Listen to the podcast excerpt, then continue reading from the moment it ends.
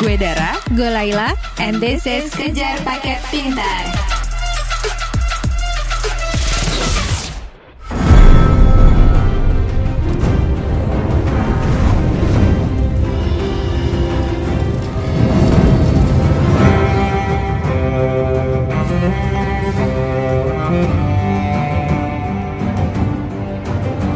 Hai La, Hai Dar, kita balik lagi di podcast Kejar Paket Pintar. Ini adalah hari Rabu, dua hari setelah em, episode finale Game of Thrones tayang. Gimana perasaannya Bu? Ya. Ah. Kenapa harus berakhir? Tapi ya memang apa pun itu harus berakhir ya. All good things must come to an end. Ya, eh, Sedih gimana? sih. Ini em, lucu deh. Jadi Game of Thrones ini Game of Thrones season 8 ya, season finale itu dimulai tepat dua hari sebelum pemilu, terus selesai juga tepat dua hari sebelum pemilu Indonesia. Do you think it's a coincidence? I don't think so deh. Kayaknya ada pesan dari higher power ya bahwa Game of Thrones ini sebenarnya adalah panduan politik negara gitu. dengerin gak sih sama orang-orang ini, sama sama orang-orang yang sekarang sedang eh, bersiteru ini? Gitu kan sekarang yang sedang bersih tegang soal pemilu. Ah tapi ya sudahlah ya. Dan eh, Game of Thrones season eh, 8 kemarin juga penanda full circle-nya kejar paket pintar. Karena 2017 Kejar Paket Pintar itu pilot episodenya adalah tentang Game of Thrones. Dua tahun berlalu, podcastnya gini-gini aja. Bukan berarti kita akan berakhir juga sih. Iya, bukan. Ini bukan episode finale Kejar Paket Pintar ya. Tapi kita akan bahas soal season finale dari Game of Thrones, salah satu uh, the best TV series in history sih menurut gue ya. Ha-ha. Jadi intinya adalah gini, uh, season 8 ini kan banyak kontroversi yang eh, apa yang muncul karena season 8 Game of Thrones karena pemirsa terbelah. Ada yang benci, ada yang nggak suka banget, ada yang suka banget. Mungkin nggak suka banget sih, tapi lebih ke menerima ya. Jadi penonton Game of Thrones terbelah jadi dua, either you really hate it or you accept it. harus kuakui gue nggak pengen yang ekstrim gimana kecewa tapi kemudian ya mema- menerima alias ya nggak apa-apa gitu memaafkan lah ya gitu Gue juga kubu memaafkan. Jadi kejar paket pintar ini sikapnya memaafkan ya. Kita bersikap memaafkan untuk Tahu sama Benioff siapa sih orang-orang ini ya bodoh amat. Kita nggak peduli.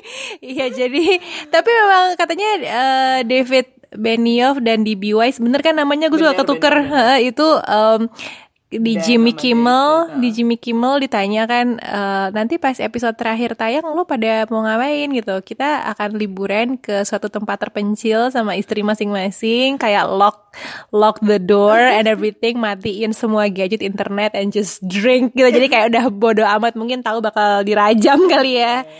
Gitu Oke, jadi dari lo dulu deh, Dar. Eh, kenapa lo bersikap memaafkan eh, dan menerima lah eh, season 8 Game of Thrones ini dan your overall opinion lah. kalau gue apa namanya campur aduk waktu bagaimana si God ini akhirnya diakhiri awalnya bukan awalnya ya jadi season 8 ini secara overall sebetulnya kayak ya kok gini gitu karena ngingat pembahasan kita sendiri dulu lah di episode pertama KPP bahwa kita tuh eh, jatuh cinta dengan God karena God tuh cerita yang gak gamblang, gak hitam putih dalam menggambarkan karakter baik versus jahat gitu. Kita tuh bisa ngeliat semua karakter di dalam God itu kenapa dia beraksi kayak gitu, kenapa dia bertindak begitu tuh hasil hasil eh tekanan campur-campur gitu, tegangan kayak antara tekanan eksternal, peer pressure, hasrat pribadi, kejadian sekelilingnya dan entah eh, dan menurut kita si kompleksitas ini tuh terceritakan dengan baik di di Game of Thrones gitu. Jadi kayak dan juga yang sempat kita bahas juga di eh, episode 1 Game of Thrones tuh gak segan-segan membunuh karakter eh, yang penonton udah kayaknya berasumsi kayak Ned Stark gitu berasumsi oh inilah jagoannya. Loh di awal udah mati gitu kan udah dan dan Game of Thrones tuh uh, berani tuh mati-matiin kayak gitu. Jadi menurut gua itulah salah satu kekuatan Game of Thrones. Kenapa audiensnya bisa sebanyak ini bisa sehook ini gitu. Dan di season 8 terakhir ini yang menurut gua kenapa gua uh, kecewa karena seperti kalau kata Incas seperti menghempaskan uh, ya gambaran kompleksitas ini gitu. Kayak misalnya menurut gua di season 8 adegan-adegan yang kayak mau buru-buru aja karena tahu ini udah harus cepet gitu kayak misalnya waktu Sansa uh, bilang oke okay, North nggak masuk ya gitu. Saya mau merdeka sendiri aja gitu. Nah itu kalau di season 1 sama 4 tuh menurut gue pasti di debat. Ini tuh nggak ada yang debat. Dorn uh, si Yara semua kayak oke okay, oke okay, gitu. Padahal menurut gue kalau di season 1 kalau ngebayangin George R.R. ini udah pasti eh, nggak uh, mungkin. uh, panjang. Ini kok semua kayak iya aja dibilangin sama Tyrion gitu kan. Terus udah gitu mungkin gue ada sedikit ya waktu di episode hampir ending dialog-dialog komedi itu tuh menurut gue kayak hmm apakah ini? Kayaknya menutup uh, uh, kayaknya menutupnya tuh jadi kurang grand gitu. Ya walaupun endingnya sih menurut gue uh, cakep sih gitu. Cuman ada dialog-dialog yang ini dialognya uh, slapstick banget sih gitu. Walaupun ketahuan juga sih gue cuman salah. Ya tapi kayak agak mengurangi sophisticated yang udah dibangun sejak awal menurut gue sih. Sama adegan lagi yang menurut gue buru-buru dan mengurangi cita rasa ribetnya God itu kayak Varys uh, matinya cepat begitu udah gitu terus dia merasa uh, Danny kayaknya nih udah mulai ke arah yang gila terus jadi buru-buru ngomong ke Jon Snow menurut gue tuh Varys tuh strateginya akan lebih hati-hati dan matang gitu sih lah. Nah sekarang gue kan baca banyak banget artikel, teori di internet gitu kan. Kenapa episode, sorry, kenapa season 8 ini rasanya nggak oke. Okay. Ada banyak banget uh, penjabaran gitu kan. Ada yang bilang lazy writing, ada yang bilang ya D&D alias uh, D.B. Wise dan David Benioff itu pengen buru-buru udahan aja walaupun sebenarnya HBO ngasih budget untuk bikin season tambahan bahkan episode tambahan jadi nggak cuma 6 episode 6, 10 episode pun masih dikasih sama HBO cuman writernya pada males gitu karena mereka pengen move on dari ke project uh, berikutnya uh, ada banyak teori lah, tapi dari sekian banyak teori ini ada satu teori yang gue paling suka, paling memberi closure untuk gue gitu kan. teori itu gini, ada teori namanya plotters versus planters. Kalau kita pakai bahasa sederhananya aja ya, arsitek versus tukang kebun. Jadi pada umumnya penulis itu terbagi jadi dua jenis. Ada jenis arsitek dan jenis tukang kebun kalau penulis arsitek nih ya, sebelum mulai nulis, dia itu udah punya draft cerita yang pakem. Jadi awal ceritanya mau gimana, tengahnya gimana, endingnya gimana, tokoh-tokohnya siapa aja, karakternya kayak gimana, bla bla bla. Jadi udah pakem gitu. Maka jalan cerita yang dibuat oleh penulis tipe arsitek biasanya tight, pakem, rapi. Tapi sisi minusnya, karakter-karakternya tuh biasanya kaku dan agak flat karena mereka mengutamakan jalan cerita gitu kan. Jadi tokoh-tokohnya tuh ngikutin pakem ceritanya. Sebaliknya, seorang penulis tipe tukang kebun itu nggak punya draft cerita yang pakem. Jadi dalam ceritanya dia tuh nanam bibit-bibit tokoh gitu. Oh, dia menciptakan tokoh A, tokoh B. Dan saat nulis, dia go with the flow aja. Nulis terus sambil mengembangkan bibit-bibit tokoh yang dia tanam tadi. Konon katanya, George R. R. Martin adalah penulis tipe tukang kebun. He said so himself. Gue pun nggak tahu karena gue nggak baca bukunya ya. Jadi di awal cerita, dia nanam tuh satu persatu tokoh-tokoh Stark, Lannister, Targaryen, banyak banget gitu kan. Dia perkenalkan semua tokoh-tokoh di situ. Sambil nulis buku-bukunya, dia kembangkan terus tokoh-tokoh tersebut arahnya ke mana akhirnya dia misalnya si Sansa berkembang jadi gimana, John berkembang jadi gimana. Sisi minus gaya nulis ini adalah proses penulisannya jadi lama banget dan ceritanya juga bisa jadi panjang banget. Makanya novel novelnya George R. R. Martin ini nggak kelar-kelar kan seri Game of Thrones ini nggak kelar-kelar. Jadi kadang si penulis pun jadi kewalahan sendiri. Tapi sisi plusnya, karakter-karakter yang dibuat sama penulis tipe tukang kebun ini tuh um, apa namanya ngalir gitu. Sifat-sifat dan perjalanan hidupnya itu penuh gitu. Makanya di Game of Thrones season-season awal kita enak tuh ngikutin perjalanan karakter Daenerys, Stark, Theon, segala macem. Dan karena perjalanan hidup mereka panjang, biasanya kalau mereka mengalami suatu peristiwa atau nasib, itu adalah hasil dari aksi yang mereka lakukan dulu. Jadi nyambung-nyambung gitu kan. Saya Daenerys tiba-tiba membabat uh, bangsawan di Merin gitu kan atau di Astapor itu pasti ada hubungannya sama masa lalunya. Jadi nyambung-nyambungannya enak karena pengembangan tokohnya juga penuh. Nah, di seri TV Game of Thrones season 1 sampai 4 itu dibuat berdasarkan novelnya George R. R. Martin. Jadi materi pengembangan karakternya tuh banyak.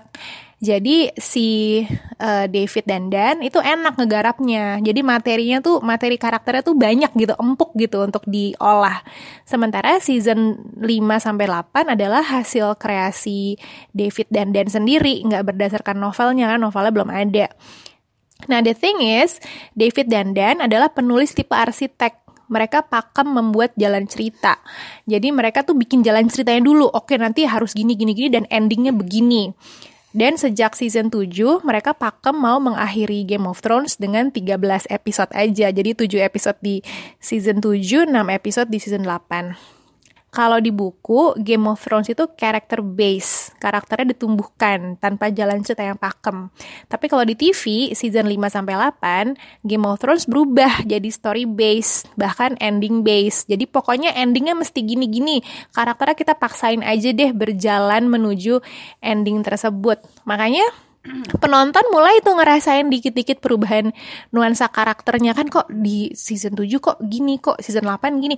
Karakter-karakternya tuh makin kerasa flat makin kerasa nggak sesuai dengan bibit yang ditanam di season 1 sampai 4 karena yang tadinya mereka punya keleluasaan berkembang sekarang karakter-karakter ini dipaksa untuk nurutin ending yang udah pakem dibikin gitu. Dan perbedaan gaya penulisan season 1 sampai 4 dan 5 sampai 8 ini berpengaruh sama semua hal yang dikomplain orang-orang. Jadi pacing terlalu cepat, perkembangan karakternya nggak masuk akal, ceritanya inkonsisten, ada banyak plot hole. Jadi intinya di Andy, David dan Dan itu fokus pada ending. Jadi karakternya tuh kesetir sama endingnya. Ini kebalikan dengan George R. R. Martin yang fokus sama perkembangan karakternya. Endingnya lihat nanti deh, nggak tahu deh. Pokoknya karakternya jalan aja terus gitu kan. Jadi perkembangan karakternya George R. R. Martin tuh lambat banget tapi lebih bulat gitu. Dan uh, apa namanya kayaknya kalau kita ngikutin logika penulisannya di Andy kayaknya mereka tipe penulis yang spectacle over substance. Jadi oh, iya. uh yang perang keren. Huh, jadi emang keren sih shot-shotnya keren adegan-adegan perangnya keren. Ya Battle of Bastards terus perang Night King terus King Landing jadi lautan api. Ya keren sih dramatis. Cuman ya itu spektakel kan alias pertunjukan gitu. It's a show tapi substance ceritanya ya kerasa tipis gitu gue sih sebagai penonton kalau dibanding TV series lainnya nggak pernah bisa invest banyak ke cuman ke satu karakter gitu kan. Karena tiap karakter tuh punya cerita-cerita yang penuh dan kuat gitu tapi ya begitu start di season 5 uh, eh, mulai berasa tuh uh, buru-burunya dan ending hmm. base yang tadi lo bilang karena misalnya kalau di season 1 4 dulu perjalanan kayak mau keluar aja tuh panjang. nah, ke, itu waktu keluar esosnya keluar lama sama banget, tapi begitu waktu begitu waktu apa namanya Jon Snow sama gengnya mau ngambil satu White Walkers lah si itu suruh balik manggil Kalisi cepet, cepet banget. banget. Kalisi terjebak di Esos ber season season gitu kan iya. dari mulai remaja sampai de sampai mens gitu kan. Uh, terus yang di season 8 juga gue ngeliatnya kan winter is coming nih ya gitu. Udah nih abis White Walker mati, terus kayak udah masuk summer kayaknya perasaan gue katanya yang bakal lama banget winternya. Benar ya kan tiba-tiba. Gue sambil makan maaf ya pemirsa lagi nggak puasa. Tapi maksud gue Bener kan konon katanya winter di Westeros tuh bertahun-tahun kan berdekade-dekade. Setiap season di Westeros tuh lama banget. Lah ini cukup satu season aja langsung spring lagi. Gue nambah satu aja lagi lah dikit satu poin tentang kenapa kecewa. Gue berharap sih sebetulnya ada kayak duel Cersei sama Daenerys gitu. Karena dua-duanya tuh udah mikirin strategi lumayan lama kan. Apalagi Daenerys sudah kerja keras dari zaman dulu gitu kan. Terus Cersei juga juga begitu. Tapi kok nggak nggak ketemu salaman kayak apa gitu loh maksud gue gitu. Ada ada gitunya sih. Tapi intinya gue memaafkan. Eh tapi tunggu dulu, gue mau Iya. Sorry gue mau tahu sebentar ya. Nggak apa-apa Ya gue gua nggak memungkiri bahwa salah satu faktor jeleknya season 7 dan 8 ini karena eh, David dan Dan dan seluruh kru Game of Thrones pengen buru-buru selesai. Dari perspektif negatif, ya fans bisa marah ya, kok males amat sih gitu kan, tega banget sih sama fans yang udah investasi waktu dan emosi selama berapa tahun di salah kita sendiri sebenarnya. Tapi dari perspektif dari perspektif positif, kita bisa lihat bahwa David dan Dan ya owes us nothing ya. Ada kewajiban apa mereka muas-muasin fans sampai akhir? Coba gue kalau didonder sama episode KPP atau blognya gue suka kesel gitu kan kayak mbak mbak episode baru mbak mbak episode baru kayak aduh. Gue aja yang receh tuh masih suka terbebani sama orang-orang kalau suka menaji episode podcast atau tulisan blog gitu. Gue gak kebayang David dan Dan kalau harus manjang-manjangin season atau manjang-manjangin episode tuh pasti capek banget. Dan gue juga tahu bahwa seluruh cast and crew pasti punya kebutuhan untuk move on gitu. Mereka pengen uh, move on to other project. Karena kalau Game of Thrones mungkin mereka keikat kontrak kan gitu. Ada ada batasan-batasan kalau mau terjun ke proyek lain gitu. Iya gue juga kebayang sih. Eh Pasti selama berapa ya? Udah 10 tahun 10 tahun kan gitu kerja di hal yang sama. Juga gue sempat ngeliat ada meme eh, George R R Martin R R Martin. Gue nggak tahu ya ini bener atau enggak kayak dia nulis apa nge-quote nya art is not a democracy so you cannot vote how it ends. Gitu. itu betul sih. Siapa lo nentu nentuin Iya, bikin sendiri sana. Nah jadi sih Kenapa em, kalau gue akhirnya ya sudahlah memaafkan selain karena ini serial TV aja ya gitu kan. Tapi kayak seperti yang lo bilang ya gue mengingat kerja keras eh, tim produksi di balik serial ini gitu. Tetap maksudnya sampai sampai ending pun disajikan eh, sinematografi yang cakep gitu kan.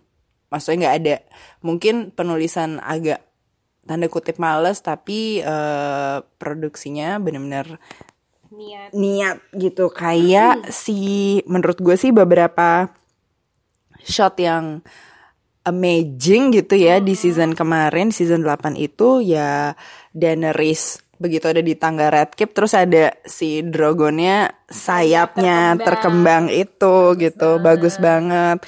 Terus juga masih adalah dialog-dialog atau shot yang dipertahankan bagus kayak terutama antara Tyrion sama Jaime dan apalagi waktu Tyrion nyari Jaime sama Cersei itu berasa banget. Ya ya Peter Dinklage-nya juga sih kekuatan actingnya gitu. Sama gue tuh membekas banget waktu Drogon nyentuh Daenerys gitu loh kayak nggak uh, uh, kayak ditinggal ibunya. Dan terutama ketika akhirnya Jon Snow mengelus Ghost. Gue yang kayak yes queen gitu. Karena kesel ya waktu udah di- kupingnya hilang satu udah hilang satu episode caw aja gitu dari jauh. Gue yang kayak hah? Wah sebagai crazy dog lady tidak bisa dibiarkan Jon Snow berbuat seperti ini. Tapi ya gue memaafkan lah paham nih karena tetap ada hal-hal yang gue dipuaskan di beberapa di beberapa adegan dan yang terakhir sih ini gue eh, nge-quote juga ada satu artikel dia nulis dia ngutip Tyrion sih kayak a wise man once said, the true history of the world is a history of a great conversation in elegant room. Jadi gue menambahkan juga, if Game of Thrones gave us anything, it was certainly great conversation. In my case, in multiple WhatsApp group. Juga em, semacam kohesi sosial ya ngumpul setahun sekali. Jadi if anything Game of Thrones jelek ataupun bagus, dia tuh pemersatu. Pemersatu dia tuh pemersatu. Kayak pemilu sekarang. Pemilu sekarang malah pemecah kan, Game of Thrones malah pemersatu. Either you love it or hate it, pasti diomongin dan tetap kumpul-kumpul nobar bareng gitu ya. Kalau gue sendiri gue memaafkan Game of Thrones karena gue nggak mau ngasih beban hanya di season akhir. Karena it's a great series in whole long ngeliat season 1 sampai season 8 secara keseluruhan it's a great TV series. Gak ada yang ngalahin so far buat gue ya. Jadi gue nggak mau melabeli Game of Thrones jelek atau apa hanya karena dari satu season.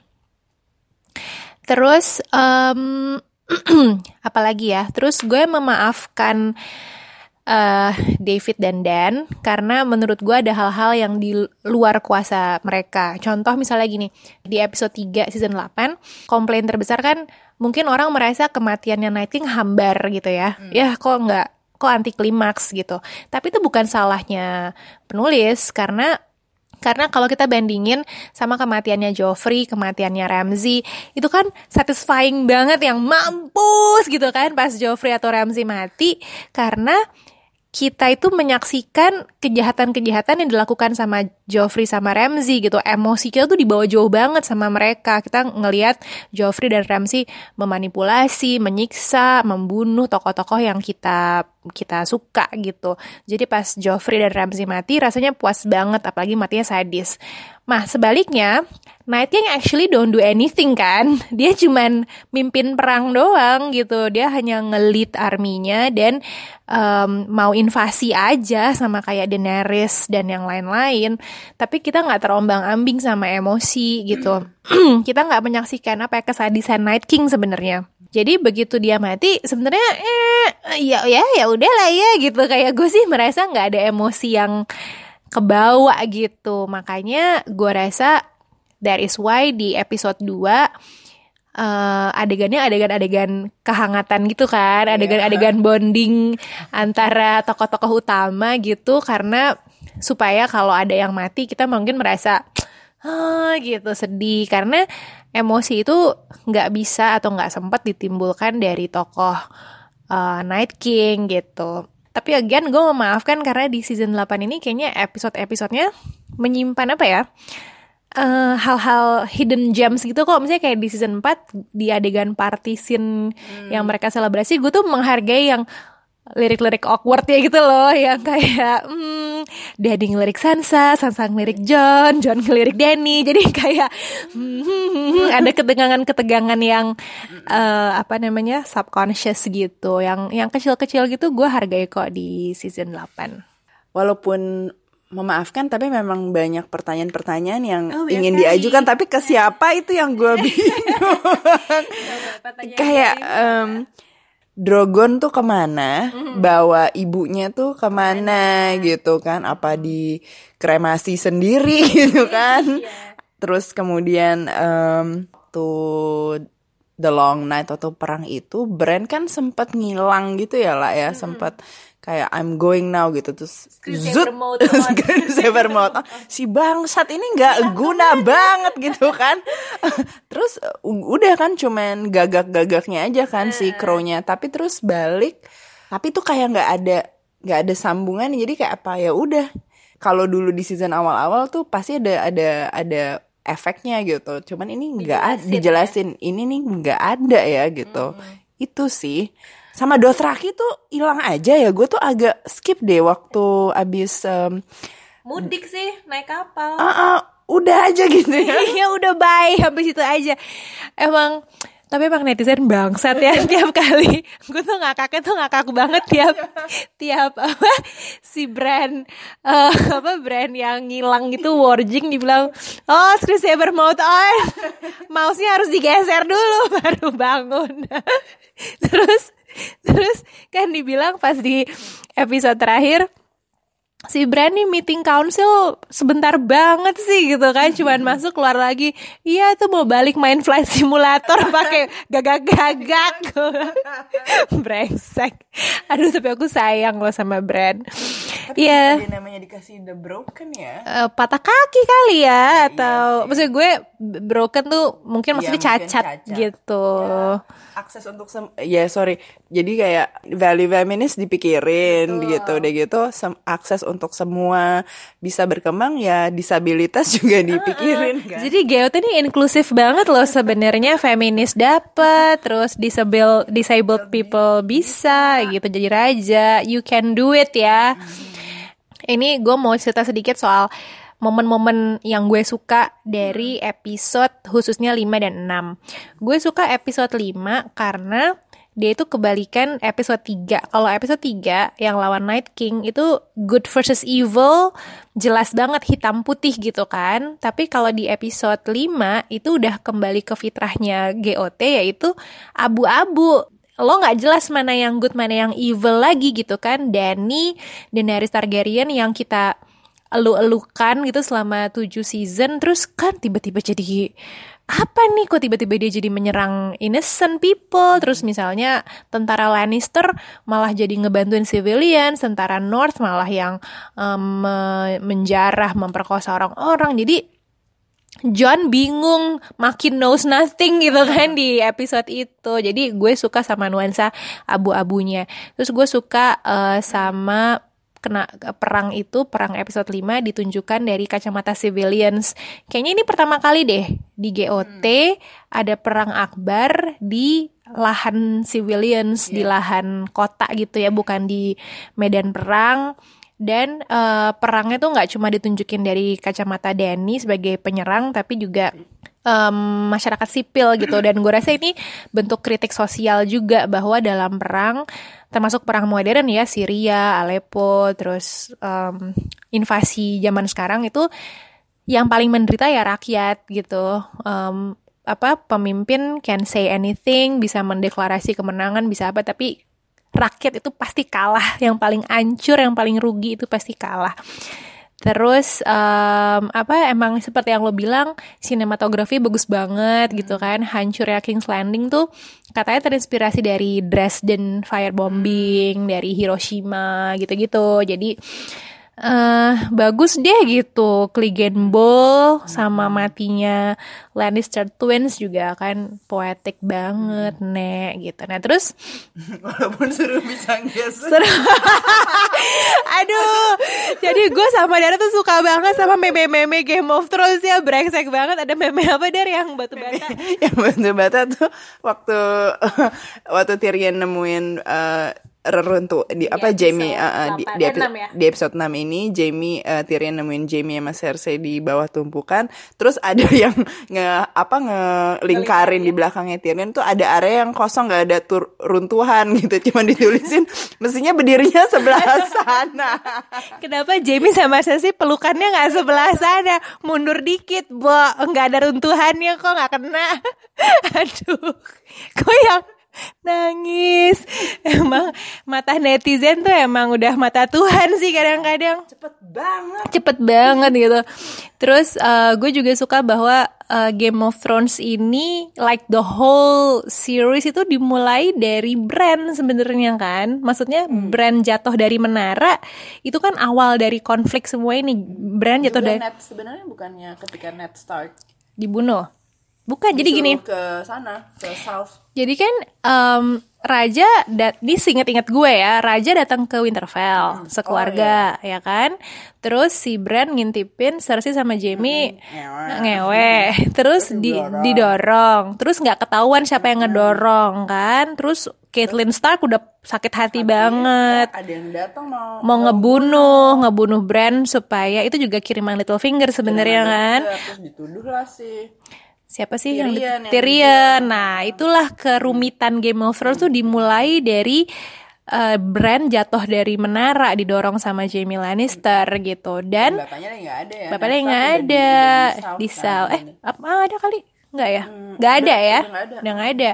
nah dan akhirnya Game of Thrones berakhir dengan Bran lagi gitu. Bran jadi raja. So it kind of um, Ya. come to full circle gitu terus em, apa ya ya gitu deh anak-anak Ned Stark sukses semua ya. Alhamdulillah sih. Bangga nih Caitlyn ya. dan Aduh. Ned Stark nih bangga memandang dari surga. Dan tentu saja adegan Drogon sih gue suka antara pinter banget atau bego banget sih. Jadi si si Drogon kan ketika Daenerys mati dia nyembur Iron Throne sampai hancur gitu kan. Of course, kalau interpretasi netizen bahwa wah Drogon ini pinter banget karena dia tahu yang membunuh ibunya tuh bukan Jon tetapi kekuasaan gitu karena kekuasaan eh, ini semua ini nih semua ini gara-gara Iron Throne brengsek kekuasaan brengsek. Tapi kalau kata meme ada meme juga. Dragon Drogon Drogon datang. Terus dia who killed my mommy? Terus John mau kabur dari tanggung jawab kan? Dia bilang "Mm, it's the chair. No. Terus dia sambor jadi dia Drogon tuh antara pinter banget atau goblok banget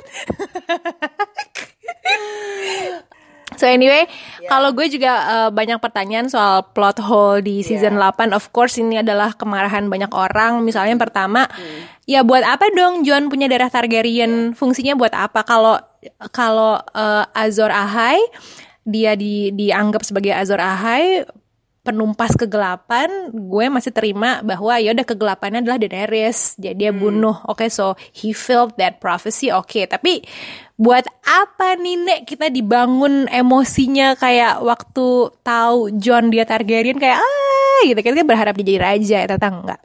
Untung Jon Snow lahirnya nggak berambut pirang ya. Kalau bilang langsung hmm, langsung ketahuan dari season 1 bahwa dia Targaryen. Jadi nggak ada nggak usah jauh-jauh. Begitu pirang langsung oh ya lu Targaryen. Sama ketika Ned Stark menyimpan rahasia ini bertahun-tahun, lalu lalu Jon Snow diberitahu oleh Sam, John memberitahu Sansa hanya dalam waktu Satu hari langsung satu Westeros tahu. lo kalau nih ya pendengar ya, kalau lo cari meme soal Sansa me- memberitakan eh, memberitakan eh, siapa identitas asli Jon tuh kayak kocak-kocak banget sumpah. Terus apa sebenarnya fungsi Third Eye Raven ya?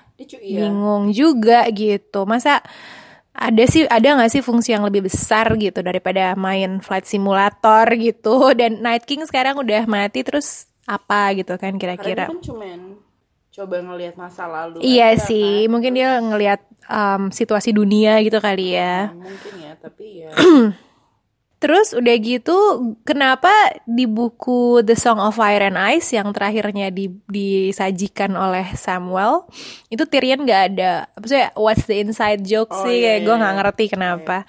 harus baca ya. Mm-mm. Terus kan Varys walaupun akhirnya dieksekusi, dia kan sempat ngirim surat-surat. Nah, iya, itu ke mana ke mana? suratnya? Heeh. Jadi terus apa efeknya gitu kan surat-surat itu? Orang cuman satu kok yang dibakar sama ingat gak Iya, sih lah cuman cuman satu satu yang dibakar. dibakar, Yang sisanya kan, dikirim, kan? Heeh. Siapa nih kurirnya nih Kurirnya udah dimakan sama Drogon kayaknya itu crow-crownya. Terus eh, terus apa kabarnya Elaria Sen kan sebenarnya masih ada di penjara bawah Red Keep gitu kayak hello everyone forget about me. Iya. sama kemunculan anak yang nete itu tiba-tiba jadi sehari selama ini ke mana Robin gitu Arryn. Robin Arryn nih Lord ngapain ya. munculnya langsung langsung ganteng gitu. Hasil asi eksklusif. Hasil ASI eksklusif iya. Jadi kalau lo lihat di adegan council meeting terakhir ya itu Lord Lord pada ngumpul. Salah satunya Lord of the Vale Robin Arryn yang dulu nete sampai umur 9 tahun sama mamanya sekarang udah gede udah. Tapi kan gitu ya kayak di season apa yang ada satu season di mana brand nggak muncul sama sekali. Lo inget nggak Terus dia misalnya dari season 4 misalnya ya lengkap langsung ke 6 gitu terus tiba-tiba di 6 dia udah gede gitu, udah pecah suaranya.